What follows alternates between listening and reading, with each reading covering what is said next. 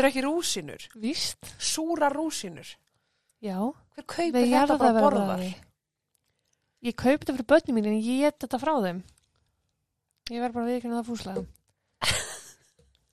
Verðir, verðir bara þessar þurrkuðu rúsinur að góðu. Hvað fyrir? Uh, góðan daginn. Ég er með melónu bara líka að vilt. Rúsinur með melónubræði. Já. Jæja. Góðan daginn. Góðan daginn og verið velkomin í morskurinn. Uh, í dag ætlum við að smakka mismunandi tegundur af rúsinum. Já. Tíu af tíu, mæli með. Mm. Hérna, ég heiti Þórdís. Ég heiti Jóhanna. Ég ætla bara að vinda mig beint í máli. Já. Pól Karol Skipa fættist þann 23. februar ára 1960 í Centerville í Minnesota. Akkur þetta horfa svona á mig. Það því maður langar að... Skipa. Já. Nei, maður langar að skipir að búb. Þau heyrta. Ok.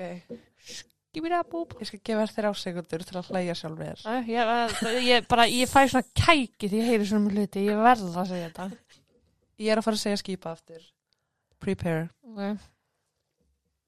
Uh, þrátt fyrir að fadir hans hafi verið lauruglumæður og mikill ægi hafi verið á heimilinu, þá var hann oft til vandræða og því eldri sem hann varð, því meiri vandræði kom hann sér í. Eins og eins með ekki. Þótt í sér Ekki er lögregludóttir. Víst er það rétt hjá mér.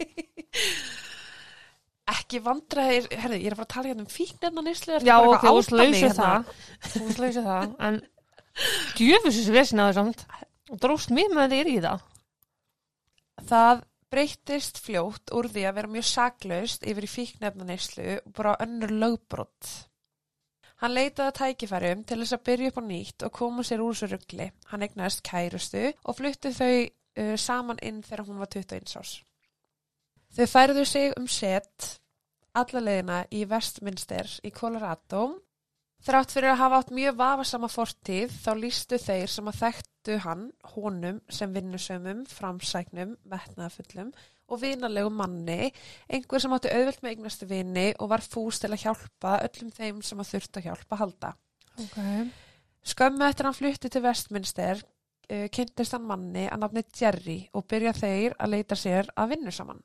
Þeir flettu gegnum smá auglýsingarnar og ringdu á vinnustæði á hverjum degi. Það leiði ekki langu tími þar til að Pól fann fyrirtæki sem að vantaði starfskraft en það fyrirtæki sérhæði sig í að smíða batnakerrur og fór hann og tók nokkur verk þar, Ok. eða sérst vinnu. Ok. Hann fór einni að vinna hjá öðru fyrirtæki sem að var að setja upp sérstu vökunarkerfi í garða en á einhverjum tímapunkti var hann að vinna á báðum stöðum. Uh, hann var samt ekkert að fíla sig þarna. Þetta var ekkert eitthvað það sem hann vildi bara fara að gera. Nei, hann bara þurft að vinna. Já. Hann rakst á á vinn sem að starfaði hjá fluttningafyrirtækinu Student Movers svo hann ákvaða að vinna hjá þeim og endaði með því að vinna við fluttning alla sína æfi. Í raun og veru þegar yfirmaran hans ákvaða að yfirgefa fyrirtækið og sérst ætlaði bara að selja það Mm. að þá keifti Pól nokkra vörubíla og stopnaði sitt eigi fluttningafyrirtæki. Ok. Það fyrirtæki var kallað Tough Movers. Pól eignaðist marga trygga og góða vini á þeim 17 árum sem hann bjó í Westminster. Að miklu leiti vegna þess hver traustur hann sjálfur var, jafnvel á erfiðum tímum og svo einnig sem vinnuveitandi, af því hann alltaf var búin að stofna fyrirtæki. Já. En hann átti það til að gefa öllum sens og vildi trúa því best upp á fólk. Pól kynntist manni að nafni Bob Martínez þegar þeir voru báðir að vinna hjá fyrirtækinu sem að setja upp vökunarkerfið. Þegar Bob endaði meðferð og endurhæfingu vegna drikkjuvandamáls þá var Pól einn af þeim vinum sem að talaði enn við hann eftir endurhæfinguna eða meðferðina og sá meðal annars til þess að enginn var að drekka áfengi í kringum hann ef honum þótti það óþægilegt. Æ. Hann var sérst bara alltaf til stæði fyrir hann. Já. Bob endaði meðal annars á því að nefna són sinn eftir Pól sem bara merkjum það hversu mikla, mikla treyð Pól gaf honum Já, já. og hversu mikið að þýtti fyrir Bob í gegnum þessa tíma. Bara, já. Já. Annar náinn vinur var Ritz en þegar eiginkonan hans lést úr krabba minni þá hjálpaði Pólunum með börnin, með peninga og þegar Ritz kynnti setni konu sinni, Karol, þá spila hann stórt hlutverk í að hjálpa Karol og krökkunum að- vera velkomin sem sagt bara í vinahópin Já, og í já. lífið. Þó að Pól hafa mestu verið þekktur sem ábyrgur góður og vinnusami maður, þá heldur vandræðin samt sem áður áfram í gegnum lífið. Árið 1988 var hann sérst ránglega sakaður í bolder fyrir eitthvað lögbrott sem var bara síðan tekið tilbaka. 1990 var hann ákjæru fyrir áreitni og óspektir almannafæri. Árið 91 uh, fekk hann ákjæru fyrir ógnandi hegðun og árið 93 sem sagt fyrir ósæmilega hátsemi. ok. Það var einn orðrómur í gangi að hann væri sem sagt lítill Marjana sölumæður. Þrátt fyrir að fjölskyldan hans hafi vitað af því að hann reykti af og til, uh, þá hafði hann aldrei verið í neinum vandræðum með slíkt. Nei, Þú veist, ok. þetta var bara, hann fekk sér þegar hann vildi og það var aldrei neitt, þú veist, þetta hafði ekki áhrif á vinnuna eða lífið eða neitt hátt. Nei, Um það leiti sem hann hófstörf hjá Student Movers þá kynntist hann konu að nafni Michelle Russell. Þrátt fyrir að þau hafi bæði verið í sambandi þegar kynnið þeirra átti sér stað þá slitnaði fljótlega úr þeim samböndum og þau hófu samvist, ok. Paul og Michelle. Þau giftu sig síðar eftir nokkur ár. Þann 27. júli árið 1989, þá Paul 29 ára, fættist dóttir þeirra Sara Ariel Skipa. En sérst, eftir fæfingu hennar þá slitnaði svolítið mikið úr hjónubandinu og þau ákveðu bara að skilja liðir. Já, ok. Þú veist, Hann var bara full að vinna, að reyna að sjá fyrir heimilinu veist, og það var bara, það var bara erfitt fyrir þau. Já, Michelle ákveða að flytja til Granby sem er um 160 km fjarlæði frá Vestminster og tók sveru með sér. já, ok. Skilnaðurinn og forsjá sjáarbaráttan var ansi erfið þar sem að Pól vildi sjá dóttur sinna eins mikið hann gat. En hann endaði sérst á því að fá aðra hverja helgi á skólaórinu Já, og allt sumafríð ok. með dóttur sinni. Þannig að þetta var alveg forræðistela. Já, og svo þú veist á miðvíkudum þá mátt hann koma og hitta hana sagt í Granby. Í 160 km fjarlæð. Já, og sko þrátt fyrir það að þetta voru 160 kilometrar til Granby, þá var Pól, Pól ótrúlega góð faðir og misti ekki að veitna einustu heimsókn. Æ, Hann sótt hana og skuttla hann tilbaka hverja einustu helgi sem hann, hún átti að vera hjá honum. þetta er sko og að kera kvólsvöld. Jöp, hann bara, ég gera það, við. Að sögn Bob, vinnar hans, þá var Sara heimurinn hans og gerði allt fyrir hann og hann gerði allt fyrir hana. Þeir sem að þekkt hana lístu söru sem ég vingjallegri, framsækinni og orðheppni ungri stúlku, líkt og faðirinnar. Hún hafði gaman að því að dansa, syngja, synda og mikinn áhuga dýrum, en þeir hún bara nýja ára gömul. mhm. Hún og faðirinnar eitt oft helgunum saman í að upplifa ný ævintýri, uh, svo sem að fara á skýði, snjóbreytti hjólaferðir, útilegur og bara almennt allt sem að snertir útivist. mhm. Skömmu eftir skilnaðin hafði vinur Póls, Jerry, kynnt hann fyrir konu sem var tíu áram yngri en hann og hétt Teresa Donovan. Teresa gati ekki unnið vegna liðagiktar og dvaldi oft hjá Pól og móður hans Sharon. En sem sagt, uh, Pól bjó hérna í Vestminster. Uh, móður hans hafi flutt til hans eftir að hún skildi við sinn eiginmann og svipum tíma og Pól var að skilja við konuna sína. Og henni fannst það bara geggjað að fá að eiga tíma með barnabarninu sínu, þú veist, það var líka ákveðin pössun ef að Pól þurfti til dæmis að Uh fara út. Sharon og Teresa náðu alls ekki saman þar sem að Sharon var bara ansið hreinskilin varandi þá staðreind að henni fannst bara Teresa ekkit henda Pólun inn hátt og henni fannst hann bara vera svolítið mikið svona peningasuga. Já. Þrátt fyrir hún fengi örorkubætur hver mánamót, það lagði hún ekki mikið af mörgum til heimilisins, eitti mestum tíma dagsins sofandi og var oft bara hangað í rúmunu þegar vinir og fjölskylda kom í heimsókn. Hún hafði bara, fann þessi engan áhuga. Þannig að það var ekki það að hún var bara sjúklingur eða? Nei, það er sko að tala um að, jú, hún er með liðagikt og sömu dagar náttúrulega verri en aðrir, -hmm. en það er talað um að hún bara eitti mestu tíma dagsins sofandi að því hún var bara löt. Já, ok. Það tengist ekki sjúkdónum. Nei, ok. Pól og Teresa deytuðu on og off í nokkur ár og árið 98, eftir að hafa hætt saman í nokkra mánuði, áttu þau eina kvöldstund saman. Mm. Honkiti donkiti. Hónkiti, dónkiti, rungiti, dónkiti, ángríns. rungiti, dónkiti. Ég er búin að hugsa um þetta orð óþarflega oft frá því að við tókum upp síðast þátt. En, sem sagt, nokkru vikum eftir þessa góðu kvöldstund, þá ringir Teresa og tilkynnti Pól að hún væri ólétt. Mm -hmm. Beðið eftir því. Já, auðvitað voru þessar fréttir ekkit beint þar sem að Pól var að óska sér á þessari stundu mm. og hann hafði bara miklar efasendir um faðirni barnsins. Þau voru bara Ah. hægt saman og þetta bara eitt kvöld. Já, Þrátt fyrir það þá leiði hann húsnaði handa Teresu til að vera í fyrstu mánuðina. ok. Þess að þarna voru þau bara ekki lengur saman. Í kjölfarfæðingu sonar þeirra, Pól Skipa, e, þá sagði Pól við vini sína að hann lefði Teresu einungis að vera í húsuna hans að því hann taldar ekki vera að hæfa móður að annast barn. Ok, Og sagði bara að þú veist, hún getur ekki annast þetta barn á sinna eigin spýtur. að því hún var bara alltaf svonandi og löt og uppur hún Já. Og þú veist, þetta barn var ekkert eitthvað sem henni dreymdi um og hún var ekkert móður ásins. Já, ok. þú veist, en þetta var góð leið til að krækja. Mm. Já. Það var oft sem hann kom heim úr vinnunni og Teresa var annarkvort að djamma með nágranna fólkinu, uh, enn í rúminu eða let sér bara söru sjá um barni sem er nýjára gömul og bara skildi unga barn eftir með henni og fór Jesus. að djamma. Uh, já, ok. Já, Óhæf, ég skil. emitt. En Sharon var sérst í ferðalagi til að takast á við dauða móður sinnar og var ekki eins tiltæk til að hjálpa til með nýja barnið eins og hún hafi verið með söru. Mm. Förstu daginn 5. februar árið 1999 ringdi Pól í móður sinna sem var þá í Minnesota og bað hana um að koma aftur til Colorado eins fljótt og auði var. Hann sagði henni að hann ætlaði að yfirgefa Teresu fyrir fullt og allt og hafði sagt henni að fara út úr húsinu fyrir sunnudagskvöld. Uh, hann hafði ennþá efasemdir um fæðarni barnsins og ætlaði að láta gera fæðarnispróf. Oh. Hann sagði að ef að barni reyndi sannarlega hans þá ætlaði hann að höfða mál til að fá fulla forsjá yfir barninu. En það var ekki hans. að þá ætlaði hann bara hendin út og hann er bara bless. Þá ætlaði ég, hann ætlaði þá ekki að koma nálægt batinu. En hann vildi bara losna við Teresu. Já. Laugadaginn 7. februar spurði Jerry vinur hans sem að var nú að vinna fyrir Pól í flutninga af fyrirtækinu hans. Já, Sá sem að var að leita að vinna með honum upprænlega. já, já.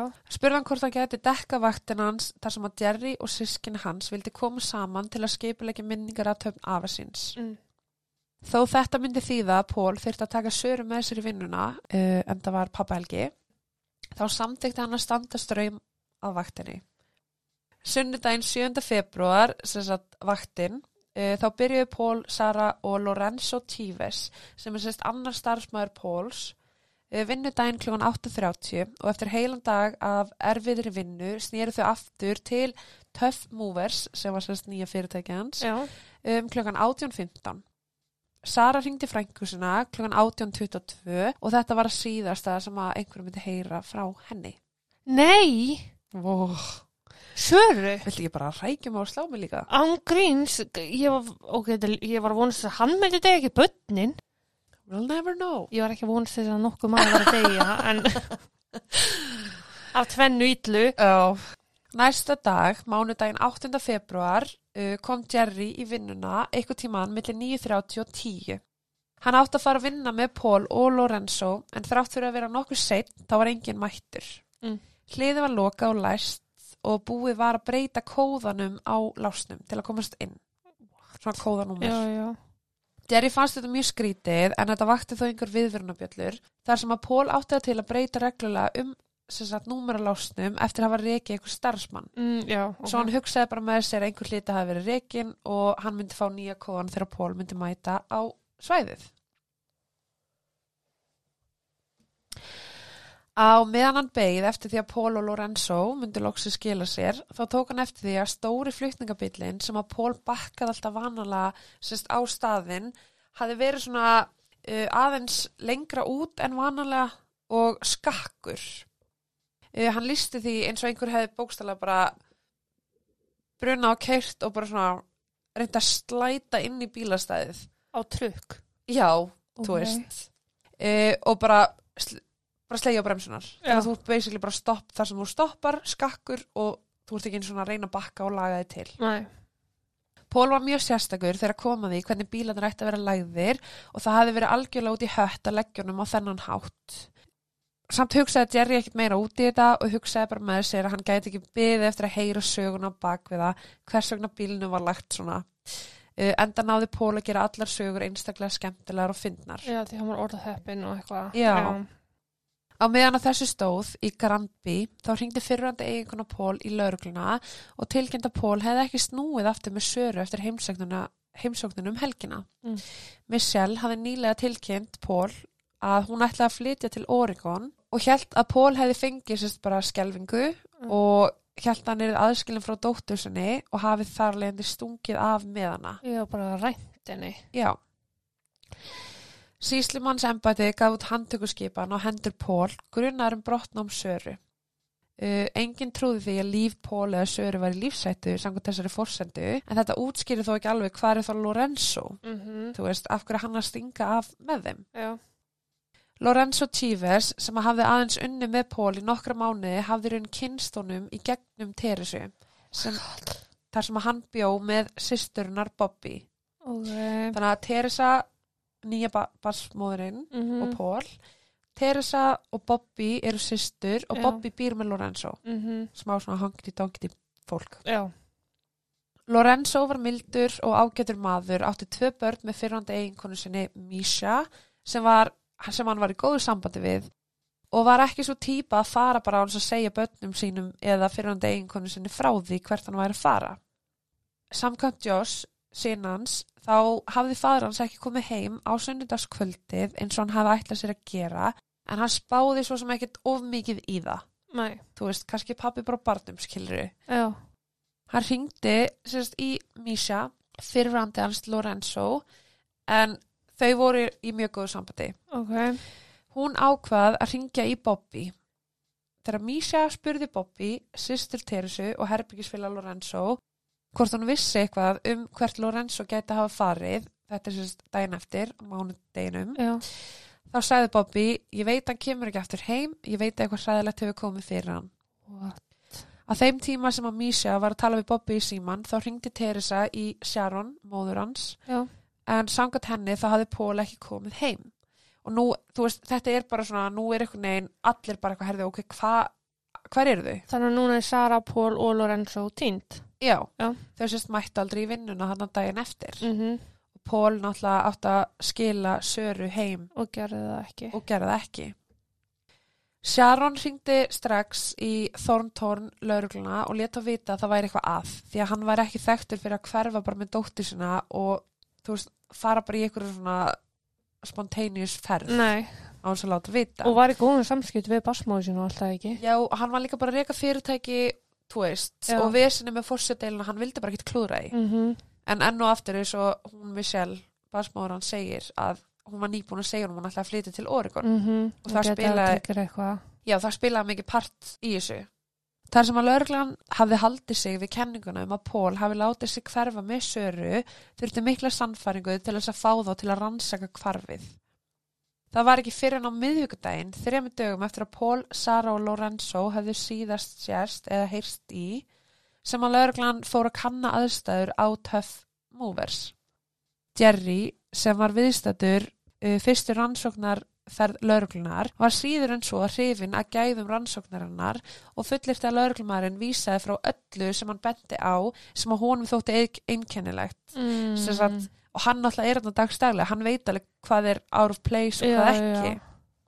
uh, hann sagði einnig frá því að lauruglumarinn hafi mjög, þú veist, hafi meðal annars bara traðkað á öllum hugsanlegum sönnagögnum án tillits til tjónsins sem að það geti ollið. Og þeir fóru bara á þess að gera raunverulega eða ítalega leit á eigninni. Mm.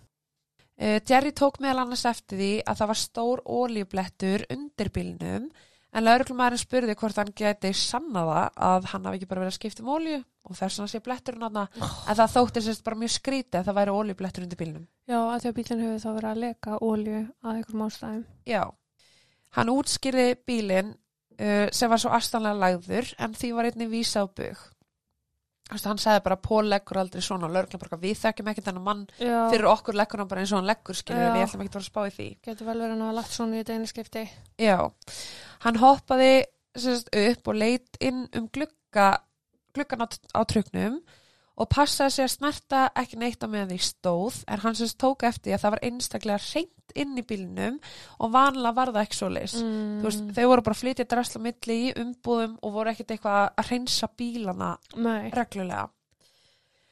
og sérstaklega ekki þegar, þegar Pól var að taka sörum með sér í vinnuna þá hefur hann ekkert tíma til að vera með auka vinnu hann átt að skilinni á meðan Jerry reyndi að passa sig á því að snerta ekkert þá var lauruglumarinn eitthvað annars huga en það var hann ekki hönskum og tók í allt og snerti allt sem hann varð á vegins hann var eiginlega bara pyrraður að hafa verið sendur í þetta útkall.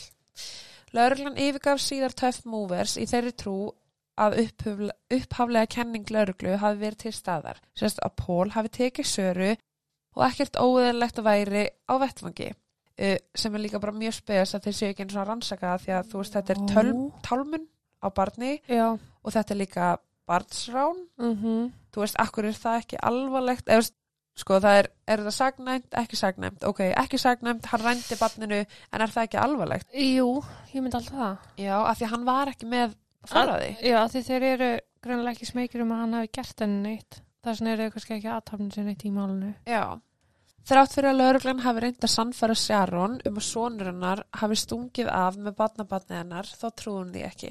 Pól hafði eitt nægum tíma fyrir dómstólum til þess að vita að flótti með Söru myndi aðeins valda honum meiri áhyggjum en Já. Ella. En ella. Ella. Lauruglan hlustaði ekki á þær áhyggjur sem að Sharon hafði. Þann fimmtudag, uh, í sömu viku, örfám dögum eftir kvarfið, þá fór Misha með Teresu og elsta son Lorenzo Josh. Ok.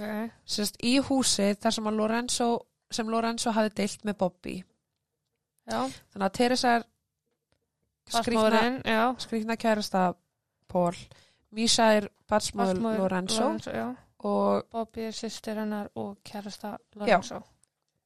Þann fimmtudag örfamdugum eftir kvarfið fór Misha með Teresu og elsta son Lorenzo, Josh, í húsi sem Lorenzo hafði deilt með Bobby til að ná í eitthvað dótun hans. En sem sagt, uh, á meðan allt þetta var í gangi, Mm. að þá var Josh bara, þú veist, með móður sinni og var bara eitthvað, vissi ekki alveg hvað, hvað hann ætti að gera. Ok. Þú veist, Það var bara mjög skrítið að hann væri bara heima með Bobby. Já. Þau voru ekki það náinn. Nei. Þegar við mættu á svæðið þá komist að því að Bobby hafði pakkað öllu úr herbyggjunars Josh og skildi það eftir við dyrnar. Já, þú veist, þau hverfa sunnudegi og nú komið fimmtudagur og hún er Mhm. bara búin að tæma herbyggið allt ótið hans og basically bara búin að henda honum út. Ok. Uh, mjög spes að því að náttúrulega Lorenzo er bara búin að vera týndur í fjóra daga uh, og hún búin að bara henda honum út. Hún var búin að taka það ákvörðin að Lorenzo myndi ekki snúa aftur en hvers vegna? Akkurat. Hann var ekki að stinga af með dóttir sína, Nei. Pól var að gera það. Mm -hmm. Sharon talaði við Teresu í síman þegar hún heyrði af þessu og fannst sérst bara allt vera, byrja að vera ekki að skrítið, allt í kringum þetta. Teresa sérst að var byrjuð að benda Sharon á okkur miðla sem hún hefði farið til sem að sögðu allir að Pól og Sara varu látin og að bílinn hefði verið yfirgefin nálegt af vatni.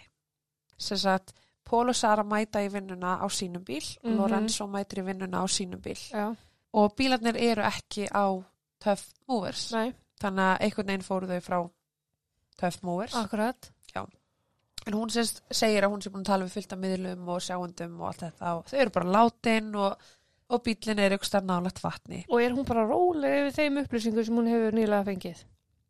Já, nú, ok, höld dáin. Já, ok. já líka herri. bara sko það er liðinu fjóru dagar Já, um eitt. slökum aðeins á að fara að heyra strax í miðli Já. e, þetta lét Sa- Sharon líða mjög óþægilega bara eins og að væri eitthvað mikið í gangi Eins og hún var bara eitthvað viðrið málið. Já, þú veist, hún var mjög örvendingafull eftir því sem að dagarnir liðu án þess að nokkur merki fengust frá Pól, Söru eða Lorenzo og Sharon sérst bara hósina eigin rannsók, lauruglan var bara, herðu, þú veist, þau koma að endanum, þau Mhm. eftir að klára peningin, þau eftir að, þú veist, það, það er ekki svo getur bara hafa eitthvað líf annars þannig svo við komumst að því, við munum alltaf frétta það í gegnum vegabrif og allt þetta. Já.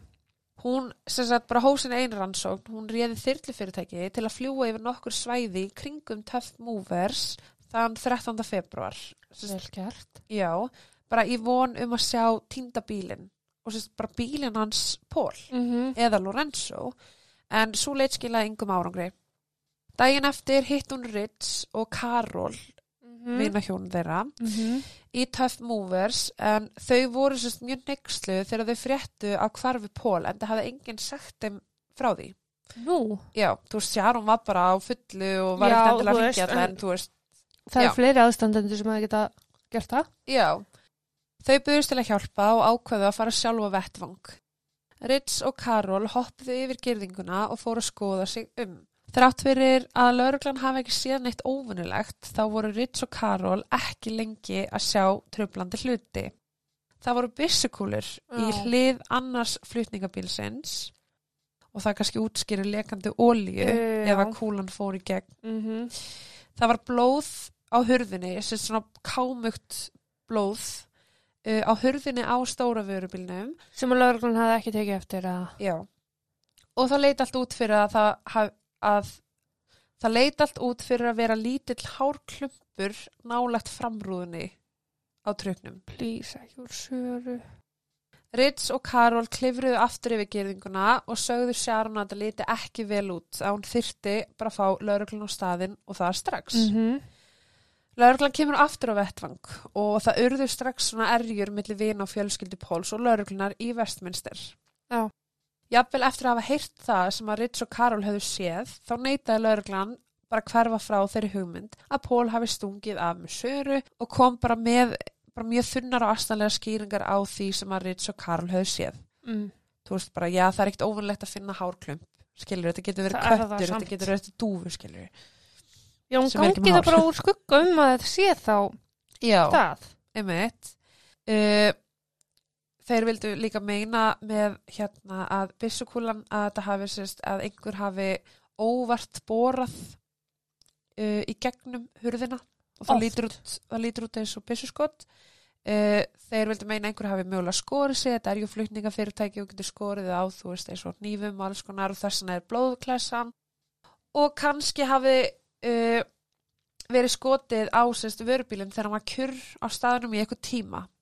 Gerast yfir Mm. nóttu. Þú veist, bara, þetta voru bara ömulega lýsingar sem lögreglum var að segja. Já, og verðist vera svona, reynum að finna Allt. útskýringu á þessu frekar en að skoða já, það sem hefur verið að byggja okkur um að skoða. já, af því þeir voru bara eitthvað herðu sonuðinn tók badnið þitt. Já, þú veist, þetta er þér að kenna, þetta er þið, ykkar fjölskyldu dæmi já, hættið að blanda okkur í þetta. Bara horfa á þetta sem eitthvað fjölskyldrama og... Já. Viðræður og rifrildi þeirra á milli hjælt áfram undir morgun þar sem að lögreglan deildu um hvort þeir hefðu lögsögu í málinu eða ekki en skýslur hins sakaða höfðu verið lagðar fram í Thornton en ekki í Vestminster eftir allt saman. Mm. Af því að Sharon hringdi sérst í Thornton, lögregluna. Já, ok. Að lokum eftir miðnætti byrtist lögreglan frá Thornton og lísti því yfir að hún myndi halda áfram með rannsókn málsins, tók niður upplýsingar allra og bað þá um að fara af vettfangnum. Sharon sagði þeim að þeir ætti að tryggja vettvangin áður en að þeir færu, sem sagt bara til að því það er eitthvað í gangi hérna, Mhm. en næsta morgun var lóðin ennþá opin öllum Oh. og hver sem er gætt fara ángað. Vegna augljósra ástæðna heldur vinir og fjölskylda Póls uh, ekki áfram að leita til örglunar á þessum tímapunkti og leituðu bara sjálf um svæði til að finna merki um þau þrjú. Eftir tvekjadaga leit rakst Jerry á bílnans Lorenzo í bílastæði í Westminster. Bílinn var tandurinn, það fundust engin fingur fyrir jónum og engar skýrar vísbendingar um hvar eigandinn væri niðurkomin. Mm. Nokkru dögum eftir það fann lauruglan í Denver bílnars Pól yfirgefin í íbúar húsnæði sem að staðsett er á Arkansas Avenue í Denver en til við miðunar þá er vestminster rétt fyrir utan Denver og aksturinn frá Tough Movers af að þessu íbúar húsnæði er um 25 mínútur. Ok. Það voru heldur engin fingur fyrir að finna í bílnum hans Pól, bara nokkra persónlegar eigur uh, ásand bakpókunum hennar Söru. Engin fingraför. Emmett. Sko ég að keira, Það er bara fingraför. Ég snerti allt í gír, bílnum mínum, sko. Fingraför, Já. handbremsa, fingraför, hörð, fingraför. það, veist, það á bara ekki vera hægt sko. Uh, í öðru dæmi um óafsakalegt starf lauruglu skilaði lauruglan í Thorntorn vörubílnum hans Pól til Sharon þar sem að hún vildi halda rekstunum gangandi ef Pól skildi koma aftur.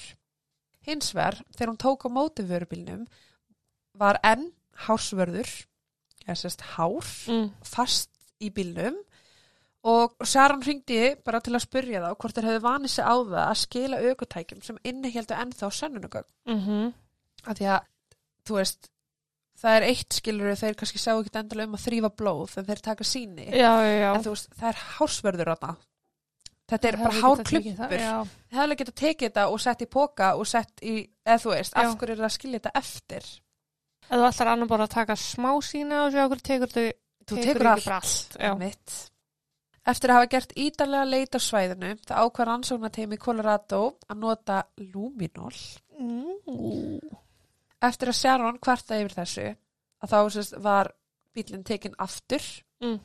að því að hún bara neitaði að trúa því að þeir hafi aflað sönnagagna sem að þyrti Já, þeir út með fokkin hár klumpin en þá gólfinu. Já, Eh, eftir þessu kvörtun þá var gerð sérst, ídalega leit á svæðinu og rannsóknarteimi í Colorado ákvaða að nota luminol mm. í vörubílinn.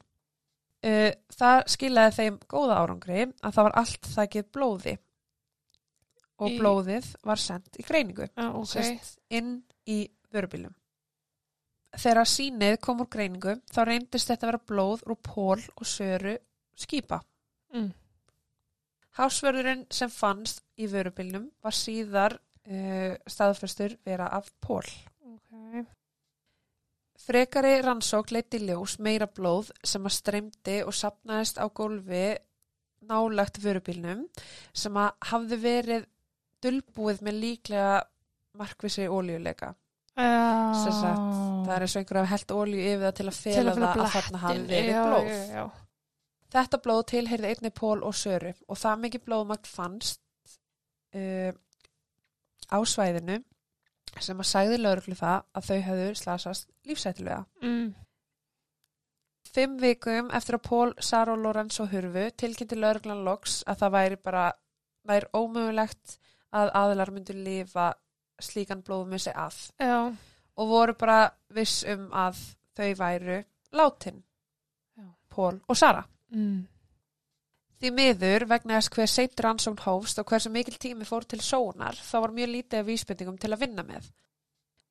Miða við tímalinu þeirra nætur tali yfirvöld að fórnalömpin þrjú að það hafi verið að elda þau, já að fylgjast með þeim Já. og að þau hafi verið drepin eftir að koma aftur í Tough Movers. Að þau fóru að vinna um daginn, komu átján. Já, og voru þá drefin. Já, Sara ringdi 1822 í frænkusina og spjallaði við hana og svo eftir það. Ok, nú er ég bara að segja sem að lauruglan heldur. Já. Líki þeirra hafi því verið komið fyrir í stóra flutningabílnum og þeim, sérst, þau færið í honum á annan stað. Vitni held því fram að vörubílinn fór frá Tough Movers um 7 eða 8 síðdegis og snýri aftur um miðnætti. Já. Þannig að ef þetta er satt, þá bendur allt til þess að líkin gætu ekki verið nema í nokkra klukkstunda fjarlæðar í mestalagi. Ok. Af því að þetta er um hálf sjö Já. Sem að hún talar í síman Já. og er vitað að þessu á lífi. Klukkan 7-8 er þetta þá, þetta við þá gerst milli hálf sjö, sjö og átta Já, já. og svo kemur bílinn tilbaka á miðnætti. Þannig Ok. að aðlinn getur ekkert hafa kyrt eitthvað ógæslega langt í Nei. burtu. Þannig að það er kannski einn og hálfur eina leiðina og svo tilbaka. Já. Þannig að radíusin, þeir eru komið góðan radíus þess að vinna með þá. já.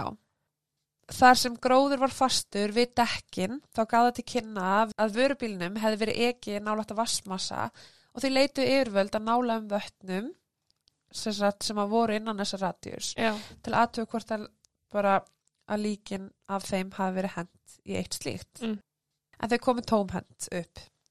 Blóðhundar voru einni fengnir á staðinn, það var bara ekkert sem kom úr því. Grunur leka á að Pól hafi verið aðalskotmarkið og Sara og Lorenzo voru á röngum stað á röngum tíma. Jafnvel vinir Pól viðurkenna að það var fólk hérna úti sem að hafði blóðhend gegn Pól, Mm. aðalega fólk sem hann hafði rekið úr starfi. Já. Það virtist líka sem hver sem þetta gerði þekkti Pól og áætlun hans nokkuð vel. Þar sem að þeir virðast, virðast hafa vitað ekki aðeins um að hann væri sérst að vinna þennan dag. Mm. Dag sem að hann var venjulega í fríi og var bara að ta- taka aukavakt fyrir Jerry. Já. Hann átti ekki að vera þarna. Heldur einnig hvenar hann myndi snúa aftur tilbaka úr verkinu. Já. Sérst eins og að sé bara umsátur, eins og sé bara búið að setja og býða. Já. og þeir, það er sér bara búið að plana þetta. Pat Long sem að vanna málinu í sex ár taldi einnig að margir hefðu mögulega tekið þátt í morðinu. Ok. Okay. Þetta var ekki bara einn aðili. Skipulagt á mörgum. Já, en það hefði hver sá sem gerði þetta þurft að yfirbuga tvo heilbriða og sterka fullorna menn sem að unnu í starfi sem að krafðist góðrar líkamlegar vinnu. Mhm. Það er ekkit auðvelt ef þú ert einn Nei, að yfirbuga svona tvo svona menn. nei, Og á saman tíma er heldur ekkit auðvelt að lifta þeim upp og færa þá til. nei. Og svo bara bann sem öskrar og þú veist. Já, nákvæmlega. Í kjölfar kvarfana heldur Sharon, Teresa og Paul Roger, sonur þeirra, Paul og Teresu, Já. áfram að búa saman í húsun hans Pauls í nokkra vikur áður en að Teresa og barnir loksis yfirgáðu húsið sérst, í mars árið eftir. Mm. Þetta var samt sem áður ekki endir á samskipti þeirra en sagt mánuði síðar fór Teresa fyrir domstóla og hjælti fram að hún ætti að erfa allar eigur hans Pól en ekki Sharon, móður hans. Ó, Og kæra fólk, það er akkurat ástæðan fyrir því að krafist er í lögum að fólk sé gift Mhm. eða skráði sambúð til þess að erfa eignir annara. Sambúð gerir ekki raskat. Maður þarf að vera giftur. Já, þú veist, þetta er mjög forvitnileg rög þar sem að Teresa og Pól voru ekki gift og ekki, þú veist, Það liggur ekki eins og staðfesting fyrir um að hann hafa átt batni með henni.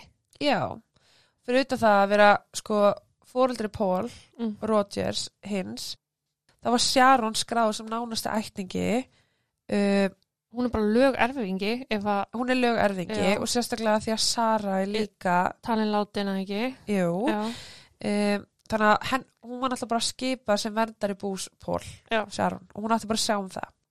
Teresa mótmælt þessu og hjælti fram fyrir hönd svona síns að Pól hefði viljað að eigur hans færu til barna sinna og nú er Mhm. Sara farin þá er breytt barn eftir Pól Junior. Já. Hún sagði fyrir dómi að hún og Pól hefðu ætlað að gifta sig og þau hefðu þegar talið sig vera hjón. Já. Uh, samt var sko Pól búin að hendin út. Já, akkurat. Hann ekki söm, hjón. Já, fulleringar hennar fóru þvert á allt sem að vinir og fjölskylda Pól vissu um samband þeirra. Sérstaklega þegar við munum að Pól hafði alltaf efast um hvort hann væri líffræðilegur faðir Pól Rogers eða Pól Ah. Junior og hafði sérst einmitt verið að reka Teresu út úr húsinu þegar hann hvarf. Mm Uh, ekki að nefna þá staðrind að hann hafði lagt fram skatta sína sem einhleipur maður það árið. Já. Að lokum hafnaði dómstólinn kröfum Teresu og skipaði Sharon að vera fastarána varandi bú Póls. Já. uh, hlutverk sem að fól í sér að greiða Teresu meðlag. Ó. Já. Ok. Sjáum þurft að sjá um það. Þrátt fyrir að Teresa hafi neitað að ræða opiðberlega í mörg ár um þetta, þá fór hún einu sinni í viðtal varandi kvarfið á þeim og þar gaf hún til kynna að lauruglan hafði eitthvað tíma talið hana grunaða. Uh, hún sagði einnig frá því opiðberlega og sjálfviljug að hún hefði sérst verið látin fara í legapróf sem hún fjall í. Mm. fjall á og að lauruglan hefði sagt henni að þeim grunaði að hún hefði myrt þau eða þá látið drepa þau. Það ger ég líka. Teresa held þó alltaf fram sakleysi sínu og fullirti átakalega að hún vissi hver draf þau í raun og veru og sagði að morðin hefði verið drifin áfram uh, vegna þess að Pól hafði leikt út bílastæði til þessa meins morðingja Ok. og látið draga bílinn hans í burtu og þar lindi hafði fólk bara reyði og þessi tildekni morðingi reyði gegn Pól. Fyrr má nú vera að hann drepa hann og dóttur hans líka. Já. Teresa er ekki svo eina sem að hefur stungið upp á fíknefnum sem hugsanlega kvata af morðinu. Mm. Engarspærin Pat Long settist einu sinni með Mísu og Josh fyrirvandi eiginkonu og sinni Lorenzo og sagði þeim að Paul hafi blandast við rand fólk og að Sara og Lorenzo hefðu einfallega lemt í krossbálinu. Kenningu sem hann myndi einni endurtaka fyrir fjölmiðlum og sagði opiðberlega frá. Mm. Hann heldur sérst bara fíknefni.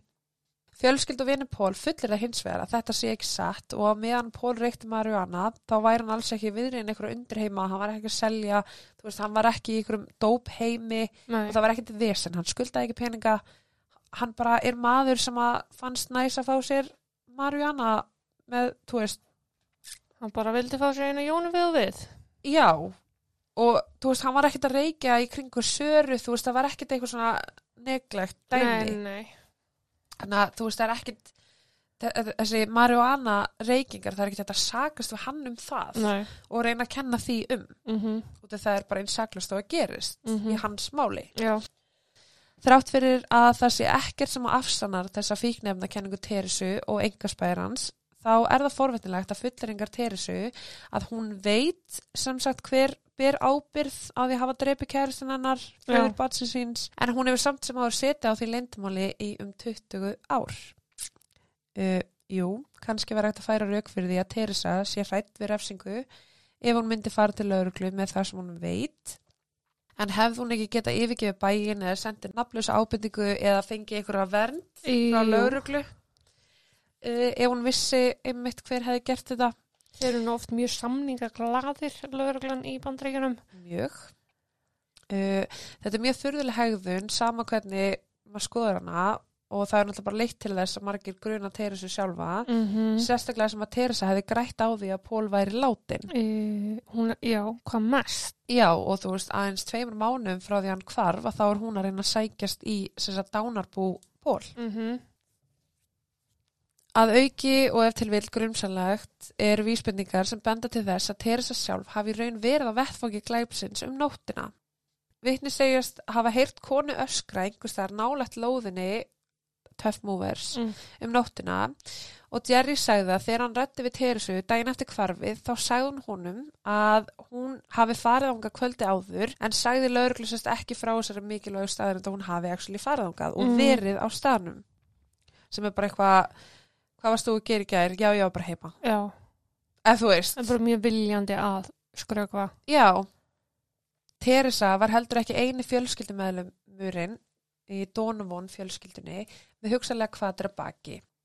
Bróðurinnar Tom Donovan var einni fyrrandi starfsmæður Pól sem að hafi verið sagt upp störfum aðeins nokkru mánum fyrir kvarfið. Ok.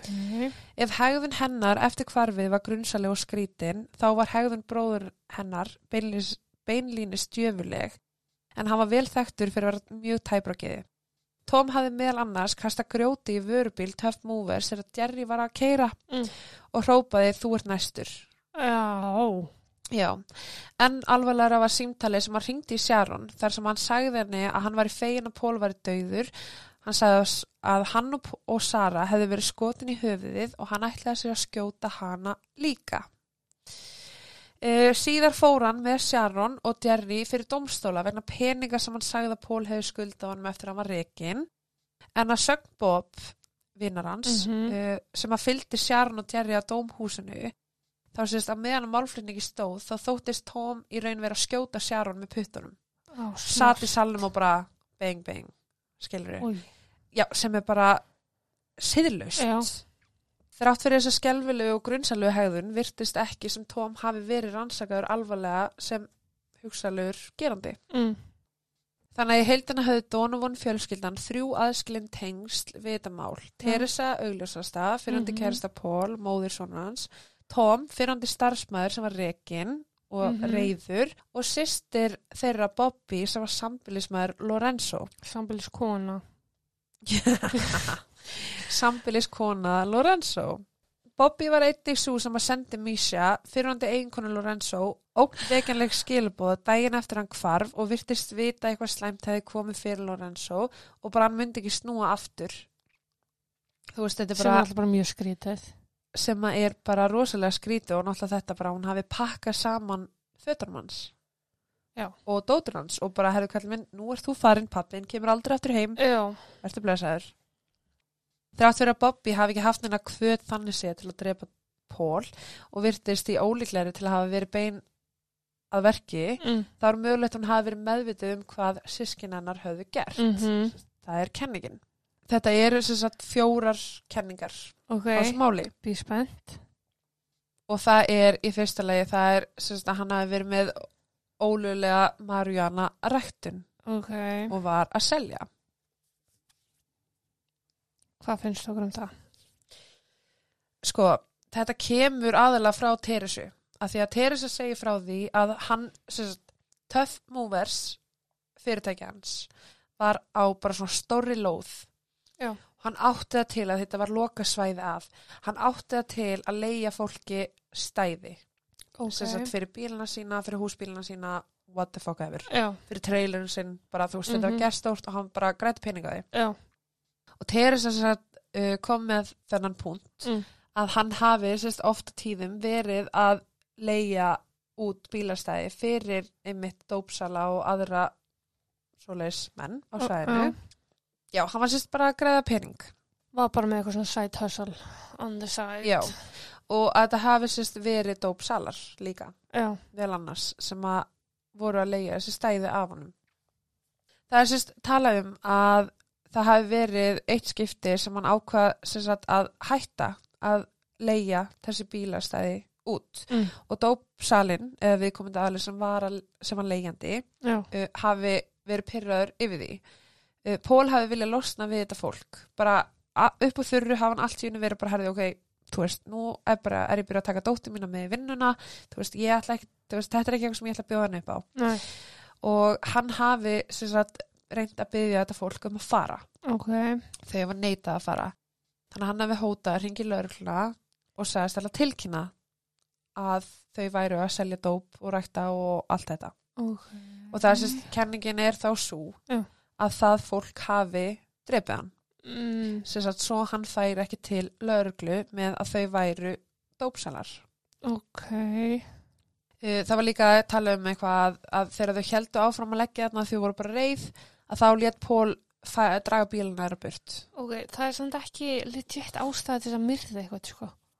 Nei, það er líka nýjóra stelpa Já. sko. Við getum alveg tegum það með inn í myndina. Það voru til staðar einhver ágranningur milli hans og einhverjum leigenda sem voru með bílastæði. Og það er alveg, þú veist, það er til. Já. En að fara og drepa þrjámanns út af þessu. Ah, tel ég tæft, sko.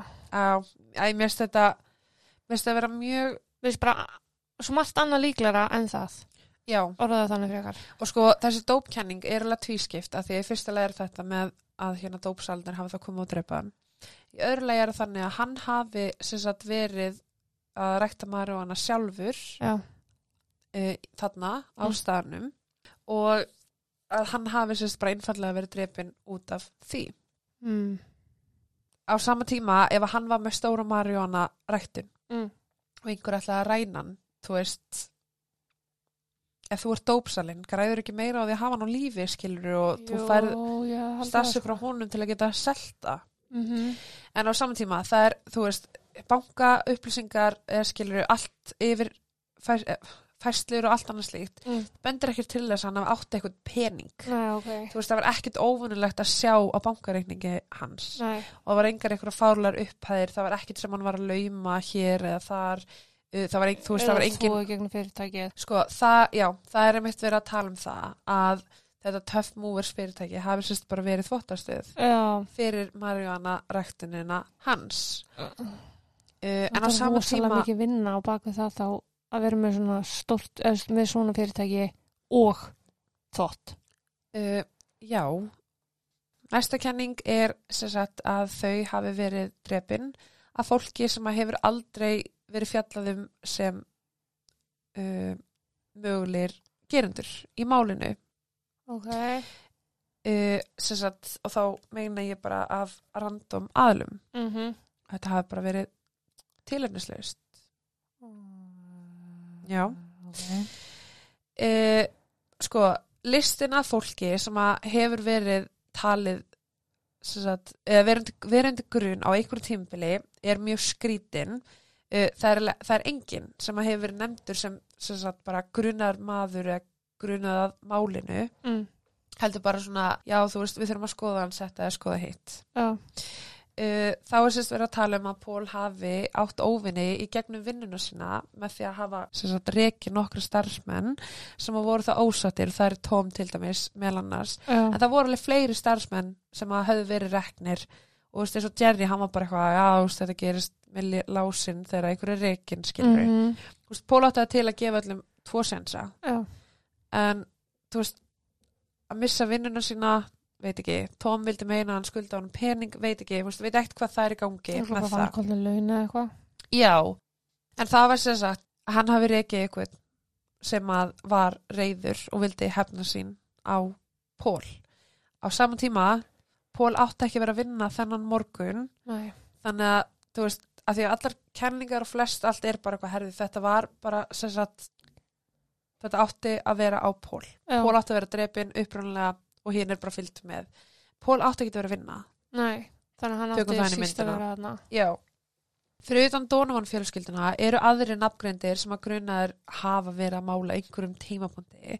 En það er meðal annars frændans Pól, Herbert Himes, uh, sem að vann með Pól áður en að Pól rakan fyrir að hafa stólið peningum úr fyrirtækinu. Ok.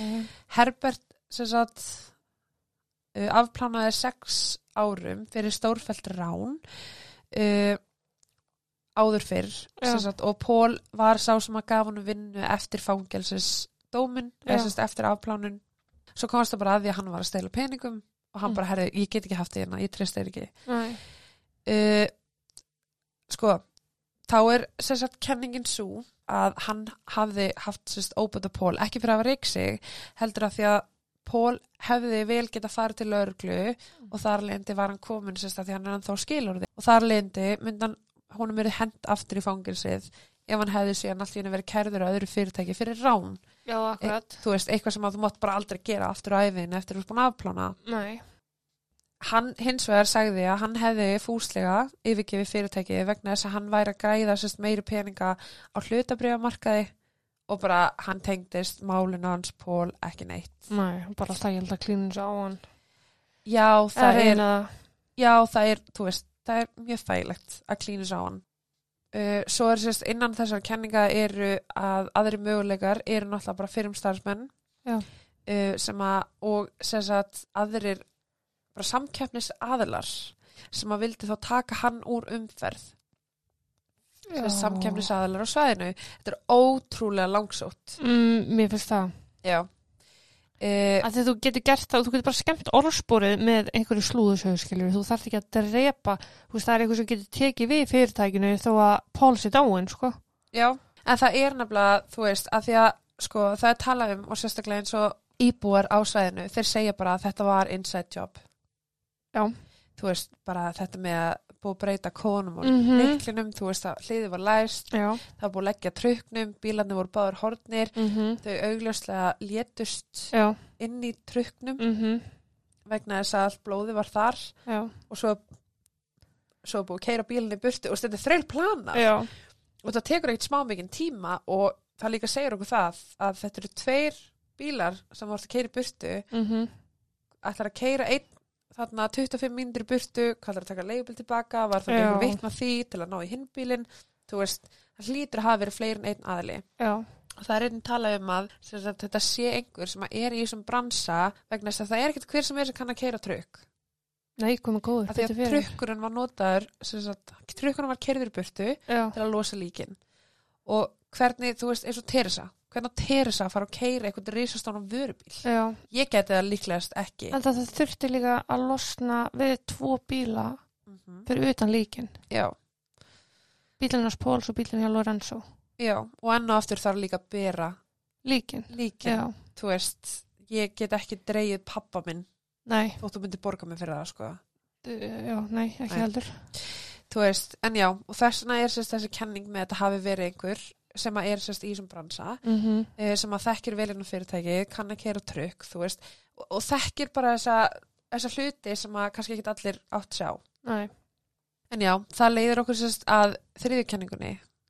Þrýr manns, Þrýr aðilar. þrýr aðilar hverfa 7. februar ár 1999. Það finnst blóð, það finnst DNA, það finnst hár á vettvangi af tveimur af þessum aðilum. En hvað með þriðja? Ég er búin að vera að pæla í þessu Eh, síðan hún sagði þetta. Já, þú veist, það er ekkert fundist á vettvangi í bílnum annar staðar sem að segja okkur hvort að uh, Lorenzo var rænt, hvort hann var drepinn, hvort hann sé á lífi, uh, þú veist, hvað gekk á. Og þar leðandi hafa margir byrjað að eða trúa því að Lorenzo gæti verið viðriðin Já. og hafi sérst gert þetta. Uh, það eru þá, sagt, þessi kenningu tvískipt að, sagt, að Lorenzo hafi gert þetta, verið viðriðin og Mhm. látið sér síðan bara hverfa eftir þetta að einhverjum ástæðum og hinn kenningin er svo að, sagt, að Lorenzo hafi uh, verið svona að beita Já.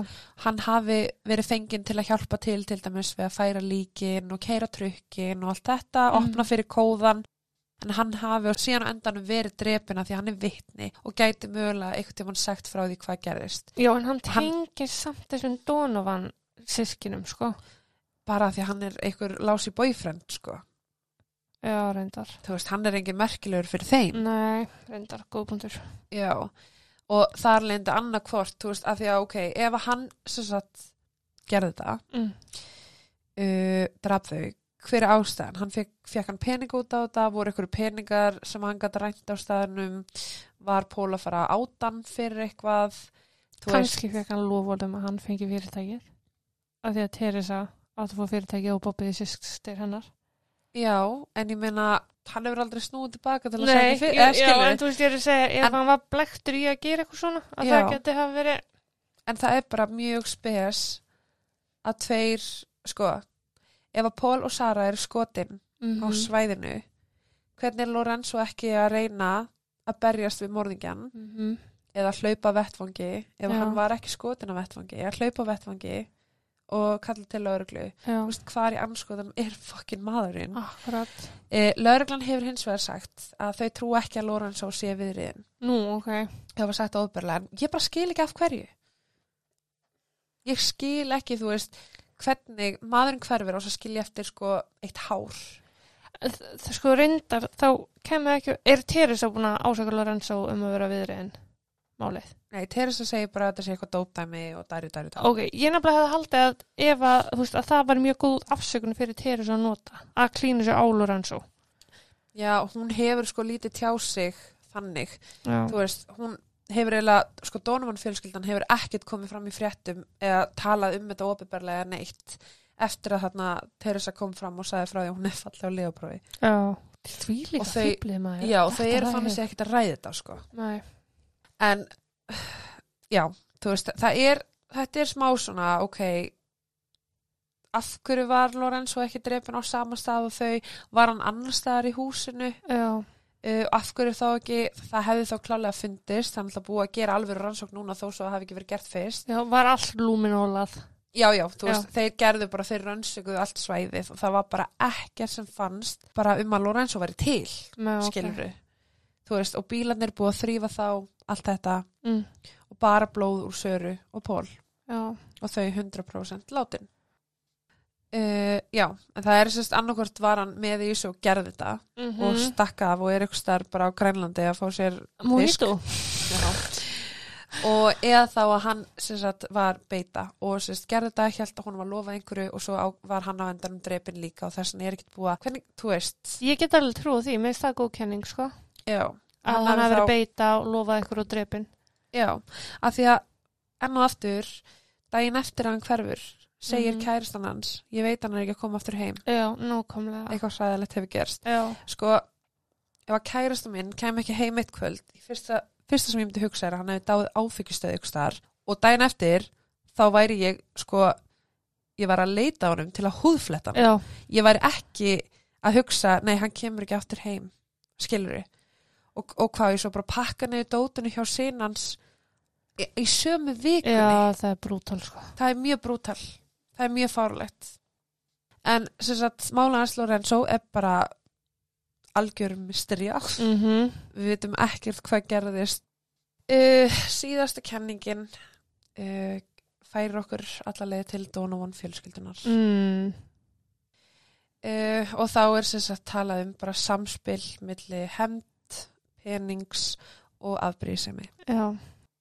Teresa bjó með Pól tímanum sem að morði átt sér stað. Hann var ætlaði að hendin út. Og hún var líka búin að heyra því að hann ætlaði sérst að fara í fórsjárdeilu uh, Sistirnar Bobby bjó með Lorenzo og bróðir að Tom var alltaf reikin á Pól og sagði að Pól skulda hann peninga. Og ég meina, þú veist, maðurinn satt í dómsal og var að þykja skjóta mömmans Já. Það gæti náttúrulega bara verið illa innrættur að hafa verið að gera það, sko, en... Mm. mjög líklega en það er sérst tala um að Teresa sé með mótif fyrir peningum hún var gráðu á peninga Já. og var náttúrulega bara þarna tvei mánum eftir að reyna hann að fá uh, dóta hans En átti Pól almennt mikið af peninga? Átti hann bara hús og þú veist, lifði þægilega eða þú veist... já, hann átti þetta fyrirtæki, það var að ganga vel hann átti hús og Mm. það var bara geggja á þess tíma að geta átt hús -hmm. og miklir peningar í því húsi Já. Um, jú, jú, hann lifði mjög vel. Hann var ekkert endilega ríkur, skilur en Bara hann þægilegt líf. þægilegt líf, mikið betra líf heldur lífi en að Teresu. Ok. Þannig að já, Teresa hafði sér satt mótif fyrir peningum, Mm Bobby fyrir afbrýðisemi og Tom fyrir hemmt. Akkur er Bobby fyrir afbyrðið sem ég? Uh, það er vegna þess að Misha, uh, fyrirhandi kærasta Lorenzo Já. og Lorenzo voru sérst bara mjög góðu sambandi og þau voru svona þú veist, að byrja að deyta aftur Já, eða, þetta var ok. smá svona herðu, þú veist, ég saknaði en ég saknaði líka eigum við kannski bara, veist, kannski var þetta. mistök já, Mhm. og þar leindi þá að Bobby hafi vita af þessum áformum Já. og verið aðbrýðsum að hann ætlaði að fara að yfirgefa hana Mm. fyrir Mísju Já. Og hafa bara slegið í planið. Já, af því að hún spilar svo stórum part í þessu máli með því að segja ég veit hann kemur ekki aftur uh, en já, sem sagt uh, varandi hemdina þá náttúrulega fór ég gegnum á hann með Tom Já, já. og reyðina og allt sem að þetta sem að gekk á hlutir millir Teres og Pól voru náttúrulega bara ekki að ganga vel uh, það var enginn í lífinu hans sem að samþykta hana voru allir sem voru bara eitthvað að hún væri erfið já. og bara peningasuga skilur og Mhm. lífssuga og súrefnisuga bara allt saman Pól hafði náttúrulega sagt opiðberlega og bara við vini og alla frá því að hann væri óhamingsamur með þetta.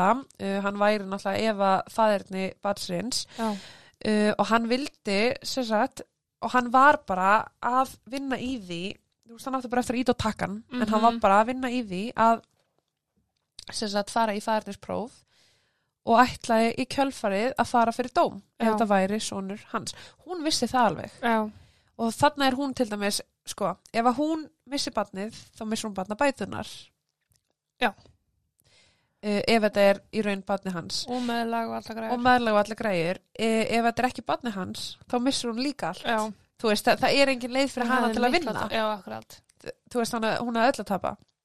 Annarkvort missir hún barnið og allan peningin eða þá hún er út á götunni já, svo var sérst sko, líka að tala um sem að var smá svona konflikt er að hún er náttúrulega er á örkubótum eða sérst er að fá bætur vegna liðagiktar Já. uh, og það er sérst talað um að hún fær bara bætunar á meðan hún er á lausu Mm. sérst að ekki gift Já, já, já. af því að þá kemur sammeilur já, sem Já. einstæð, þá kemur sammeilur fjárhæður og sem sagt, ef hún giftist þá myndi það allt enda og það er sem sagt hennar argument sem að hún tók fyrir í réttarsalunum Mm. að, hérna, að þau væru tæknilega sé ekki gift af því hún vildi náttúrulega ekki missa í rauninni, Barnabæturnar, já. já, en þetta er mjög stúpid sko, því að hún segir ég á rétt á öllu að því við erum þannig sé gift. Mm ég á rétt að fá allt rastli hans.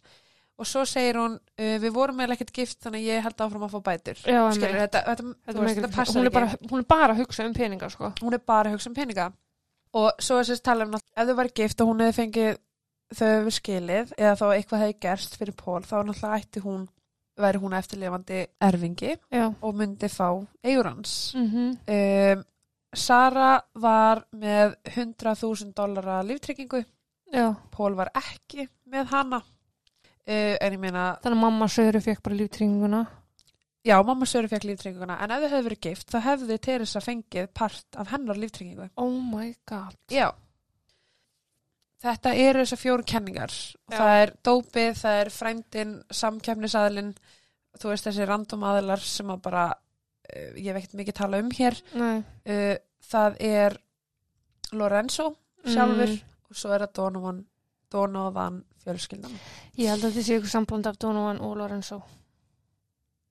Já, sko, þú veist, eins og hræðilegt og þetta allt er.